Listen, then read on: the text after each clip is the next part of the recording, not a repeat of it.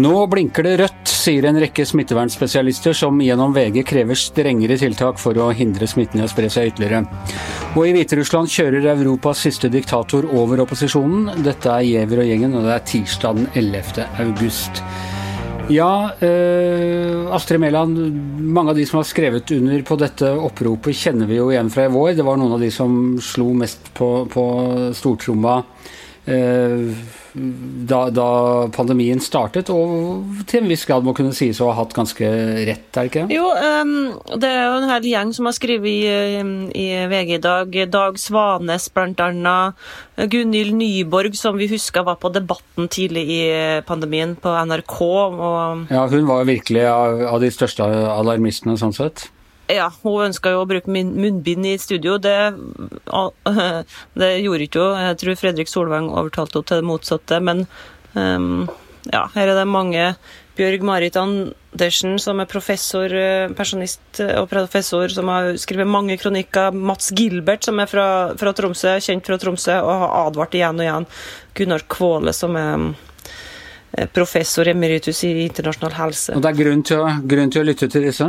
Ja, eh, De har vel sikkert hatt både feil og rett, som vi alle har hatt. Eh, Gunhild Nyborg opererte jo med en veldig høy dødelighet når hun var på TV tidligere i år, som gjorde oss, mange, som gjorde oss veldig skremt. Hun opererte med en dødelighet som egentlig handla om ja, som var altfor høy, for å si det enkelt. Men hun har jo rett i det at det kan være luftsmitte knytta til den sykdommen. her. da. Verdens helseorganisasjon gikk jo tidlig ut og sa veldig sånn eh, på Twitter og greier med sånn PR-reklameark og sånn som de la ut, faktasheets om at det ikke var luftsmitte med, med korona, men ettertid så har de jo måttet snudd på det, og de åpna for at det kan være luftsmitte, noe som hun sa tidlig, så sånn sett har hun jo rett. og um, mange av de her eh, tror jeg føler at de har en del av æren for at eh, det ble slått ned så hardt i, i, i mars som, eh, som, det ble. Da. Det vet jeg ikke, det får vi nesten spørre, spørre Bjørn Gullvåg i Helsedirektoratet om, og, og, Bent Høie om hva som lå bak vurderingene. Um, men de har jo rett i det at det er urovekkende nå. Da. For to, tre uker siden så var det 100 som var registrert smitta, og uka etterpå så var det 200, og den forrige uka, som, den, akkurat som vi er ferdig med nå, der var det nesten 300. Um, og det er bare dem som vi har klart å, å fange opp. Ofte så sier jo FHI at uh, store mørketall kanskje bare en fjerdedel blir, fang, fjerdedel opp. Ja, vi har også en sak i, i VG i dag på på at folk ikke er ærlige om symptomene sine uh, for, overfor fastlegen bl.a. Så at det er veldig vanskelig å, å, skaffe seg den fullstendige oversikten. Men hvilke tiltak er det som nytter, og hvilke er mer sånne, har mer hva skal si, oppdragende effekt enn en, en direkte sånn smittestoppeffekt? Ja, det er jo ikke noen gode studier som er gjort i randomiserte studier på det, da, for vi kan ikke drive og eksperimentere med folks helse. Vi gjorde jo mange ting som eh, kanskje mm, ja, folkehelsa etter hvert eh, har begynt å tvile på, f.eks. stenge skoler og barnehager, mens andre ting som de, um, som de er glad for at vi gjorde. Um, mest av alt å holde avstand, tror jeg. og en meter. Jo, en sånn ting som å stenge skoler og barnehager, det har jo vært frem og tilbake. Trump var ute og sa at det var eh, omtrent eh, barn var omtrent ikke smitte var bortimot immune i det hele tatt og sånn. Men så viser jo stadig nye tilfeller rundt omkring at, at barn blir smittet, og i hvert fall kan være smittebærere. Ja, jeg tror det, de er litt uenige fortsatt, eksperter, men jeg er enig med deg, Anders. Det har kommet mer og mer. Tidligere i mars så tenkte jeg at var jeg litt, eh, litt sånn overbevist om at eh, barn er lite sentralt. Men det er to forskjellige ting at barn ikke blir syke, og om de, en helt annen ting om de kan føre smitten videre og smitte mellom seg og drive, eh, drive epidemien videre. Da. Og Det er jo mer og mer ja, Det er vel nesten det skumle det at de, at de, ikke har så mye symptomer og sånne ting, for da, da, gjør det vanskeligere å spore det? Nettopp. nettopp, og De vil jo være sammen med besteforeldre og foreldre og andre som kan bli mer smitta. I det siste så kommer en del forskning som sier at de har like mye virus i nese og hals som voksne voksne, eh, noen aldersgrupper. Um, små barn. Eh, det betyr jo ikke at de er like smittsomme, da. Men det er jo òg kommet rapporter bl.a. fra en sånn sommerleir for skolebarn i, i, Georgia i USA, der en hel haug av unger ble smitta. Selv om de var testa på forhånd før de dro, um, så ble de smitta. Altså, og det er jo skoleutbrudd i um, Australia nå, og i Melbourne, som er registrert. Og så vet vi at uh, Raymond Johansen, byrådsleder i Oslo, han har uh, raslet med sabelen, holdt jeg på å si, med, truet med med, med å, å, stramme inn. Men det, det, ligger mye sånn ris bak speilet-politikk her nå, at hvis dere ikke er liksom, flinke, så så trår vi til med. Men når tror du myndighetene vil trå til for alvor og virkelig begynne å stenge ned? Stoppe utenlandsreiser? Eh, foreta noen sånne grep igjen? Det har jo allerede skjedd dramatiske ting i Indre Østfold kommune. Der har de jo nesten lockdown. altså eh, SFO og barnehage er stengt, sykehjem er stengt, og folk får ikke lov til å møtes engang. Um, så det er jo dramatisk. Eh, heldigvis er gjelder ikke her i Norge, og det er vel kanskje den approachen myndighetene vil ta framover. At de gjør det mer lokalt enn de gjør det i hele Norge. da.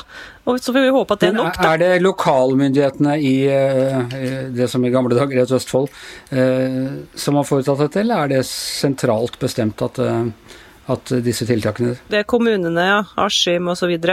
Som kommunelege osv. som har bestemt det. og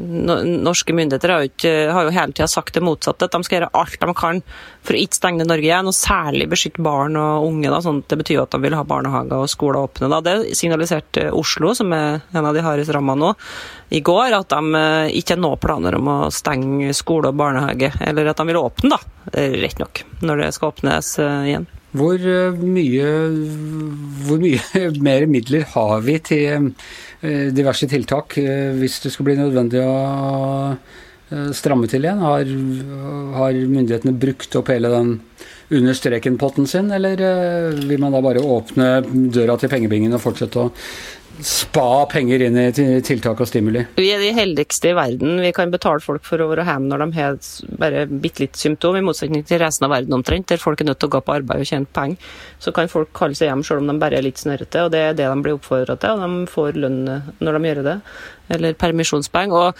det som står igjen av tiltak, er jo selvsagt munnbind, da, Anders. Vi har ikke prøvd det ennå. Og så er det jo testing. Det ser jo litt dårlig ut på testkapasiteten, særlig i Oslo nå. I Danmark så tester de mye, mye flere folk enn oss. Det er mer smitte i Danmark òg, da. Men eh, det er jo litt urovekkende at de verken klarer å ta koronatelefon eller teste nok, eh, særlig i Oslo, da. Så det var jo liksom den perioden her vi skulle drive og, og forberede oss på, på nye utbrudd, og nå sier Oslo kommune at eh, de, de, var ikke helt forberedt på at det skulle komme nå. De hadde tenkt at koronaen kunne vente en uke eller to til skolene var i gang og samfunnet gikk for full maskin igjen. Ja, så spørs det da om de har kommet til å være forberedt da. Um, det kommer jo overraskende, selvfølgelig. Hver gang det kommer en sånn bølge, da. Men hva skal skje videre nå? Det skal være noen pressekonferanser senere i ettermiddag og sånn, skal det ikke det? Jo da, det er fullt trøkk nå. og Det er mye som du sier, det er symbolsk, det er viktig symbolsk å få folk til å skjerpe seg igjen og advare mot at uh, nå er smitterisikoen mye høyere og, og slikt. Det, det, betyr jo en del. Jeg vet ikke når de vil stenge igjen eventuelt, altså, men jeg tror ikke at de vil utelukke det å stenge igjen hvis det fortsetter nå i flere uker og viser seg at de her tiltakene som er innført, ikke hjelper, og de ikke får kontroll på, på smitten. Det er jo det som er bra oppe i Tromsø f.eks. Der har de jo ganske god kontroll på hva som var på de der hurtigruteskipene, men mens i Oslo så mangler de jo totalt kontroll på hva som har vært på de festene og sånn, og det er da det begynner å bli skummelt, for da får du ikke isolert folk, og da plutselig har du det overalt. Så hvis det går noen uker nå uten nedgang, eh, så er det skummelt. Men så får vi også se om det blir økt dødelighet og økt innleggelse av det her. Da. Det er jo for tidlig å si. Det tar jo gjerne et par uker. Og så hvis det er unge nå som driver, driver smitten videre, så, så, er det jo mindre sjanse for å innlagte og døde. Men så er det, det spørsmålet om de skal på besøk til bestemor og sånn, da. da er det farlig. Du nevnte på morgenmøtet i dag dette Black Lives Matter-demonstrasjonene i det var i mai eller juni som uh, mange av oss liksom var redd for uh, midt oppi det hele. Det førte ikke til noe, så det tyder jo kanskje på at sånne store utendørsarrangementer ikke er det verste? Jeg tykker at det må være litt realistisk. og Når vi driver og hisser oss opp over at ungdommen og studentene samler seg i byene, i parker og på stranda og sånn, og driver og sender bilder i media og sosiale medier om at folk er, er, ikke følger reglene, så syns jeg det er ikke å forvente at eh, unge aldri skal treffes. Det er klart de skal feste de neste to åra. De kan ikke la være med det. så Det er kjempebra om de Eh, om de møtes i små grupper og osv., men når de gjør det ut, så er det mye mye likere enn at de er inne på uteplasser og møtes på kafé og i kjøpesenter. Alt det der er verre. Utendørs er la, langt lavere fare for å smittes. Så det er all mulig grunn til å nyte godverget. Eh, tusen takk skal du ha, Astrid. Vi kommer tilbake til denne saken, det er jeg i hvert fall helt sikker på. Og da skal vi eh, utenriks, for det er helt spesielle scener som eh, utspiller seg i Hviterussland og opptøyer i gatene etter et valg. Det er ikke ofte du ser i den tidligere østblokken. Ole Kristian Strøm, mangeårig eh, Russland-korrespondent i VG. Nei, det har vært vært eh, forsøk på eh, demonstrasjoner tidligere i Hviterussland, men de har blitt stort sett eh, slått ned langt mer effektivt enn det som skjer nå. Det er flere på gatene, og det er nok en større motstand mot Aleksandr Lukasjenko enn det det har vært tidligere. Men er det, er det fordi motstanden er kraftigere, eller lar Lukasjenko demonstrantene få noe friere tøyler enn det vi har vært vant til å se? Motstanden er større, tror jeg. Det er ganske klart. Eh, de, de bruker jo fortsatt uh, opprørsstyrker mot demonstrantene. Og uh, ingen, alt tyder på at det er større motstand mot han nå, det er det helt sikkert. Og det er altså valgresultatet, hvor, et valg hvor han fikk Unnskyld at jeg kniser litt, men han fikk altså 80 eh, oppslutning. Det er jo ikke verst når du har sittet ved makten siden 1994. Og vi har sett filmer og sånn av folk som kaster svære søppelsekker med antagelig stemmesedler og sånne ting ut av, ut av vinduet. Det har vært et uh, ganske opplagt valgfusk dette her, eller hva? Eh, alt tyder på det, eh, at det har vært valgfusk. Og selvfølgelig er det jo Vi vet jo ikke så mye om det, fordi det har ikke, vært noen internasjonale valgobservatører. Det har også vært veldig lite innenlands. Så vi vet eh, veldig lite, men alt tyder på at det har vært valgfusk. Og det bør ikke nødvendigvis ha vært organisert engang fra, fra Lukasjenkas stab, men det kan jo være f.eks. lokale ledere som da vil imponere presidenten med at de er eh, full oppslutning om Lukasjenko i deres eh, område, deres kommune. Ja, for det er, det er såpass godt gammeldags diktatur der at lokale ledere vil liksom levere et godt valgresultat som en gave til presidenten? Ja, helt klart. Uh, hvor, uh, hvor, mye har Russland å si her? Det er jo et veldig um, viktig spørsmål. Uh, hva, hva, gjør Russland, hva skjer? Altså Mandag morgen så ringte jo, eller sendte melding, jeg er ikke sikker, Putin til Lukasjenko og gratulerte da med seieren. og håpet på et nært samarbeid mellom de to landene. Og um, Putin ønsker jo en nærmere integrasjon mellom landene. F.eks. en type union. Og han er fornøyd med Lukasjenko? Uh, Lukasjenko-Putin? Putin er veldig ambivalent til Lukasjenko. Han syns Lukasjenko er litt tulling, tror jeg òg. Uh, så det er ikke noe entydig at Putin elsker Lukasjenko. Uh, Putin har hatt opp- og nedturer i sitt forhold til han gjennom årene. Eh, blant annet så her for ei ukes tid siden så var det jo eh, veldig kjølig mellom dem etter at 33 eh, leies, russiske leiesoldater ble pågrepet i Minsk fra det såkalte Wagner Group, som jo opererer bl.a. i Syria, i Ukraina, i flere land i Afrika. De ble plutselig de kom plutselig til Hviterussland av en helt ukjent grunn. Eh, vi vet ikke hvorfor. Det er ikke noe mistanke om hvorfor engang? Det er masse, masse, masse eh, spekulasjoner om hvorfor. Både at de skulle styrte Lukasjenko, at de skulle støtte Lukasjenko. Eh, men Lukasjenko er jo for, veldig forbanna på at de kom, så alt tyder på at de ikke hadde noe med å støtte Lukasjenko. Um, men det som, det som, skjedde, var jo at de bodde på et hotell i Minsk. Uh, og da ble Hotellbetjeningen ble da, ble da mistenksomme fordi russerne drakk ikke alkohol. Hvilke russere kunne det her være? Og da, ja. da ble det da Da gikk alarmklokken i hele Hviterussland. Så det, det, gjorde at eh, situasjonen mellom Putin da og Lukasjenko da for en ukes tid siden var ganske ja, kjølig. Men så har han bedret seg da når han fikk så godt valgresultat? Tydeligvis. Men er, er, det noe fare for russisk eh, intervensjon her? Ja, det er jo det store spørsmålet. Er det fare for det? Um, Putin er jo veldig opptatt av at det skal være Russland-tro ledere i sin bakgård, kan vi si, som da er i stor grad de gamle sovjetstatene, minus eh, Baltikum. Baltikum har den, har vel litt opp, men, eh, men de tolv andre tidligere sovjetstatene vil den jo gjerne at det skal være Jo mer Moskva-tro ledere, jo bedre. Eh, altså, Kina er også ganske tungt investert i, i Hviterussland? Ja, de har det.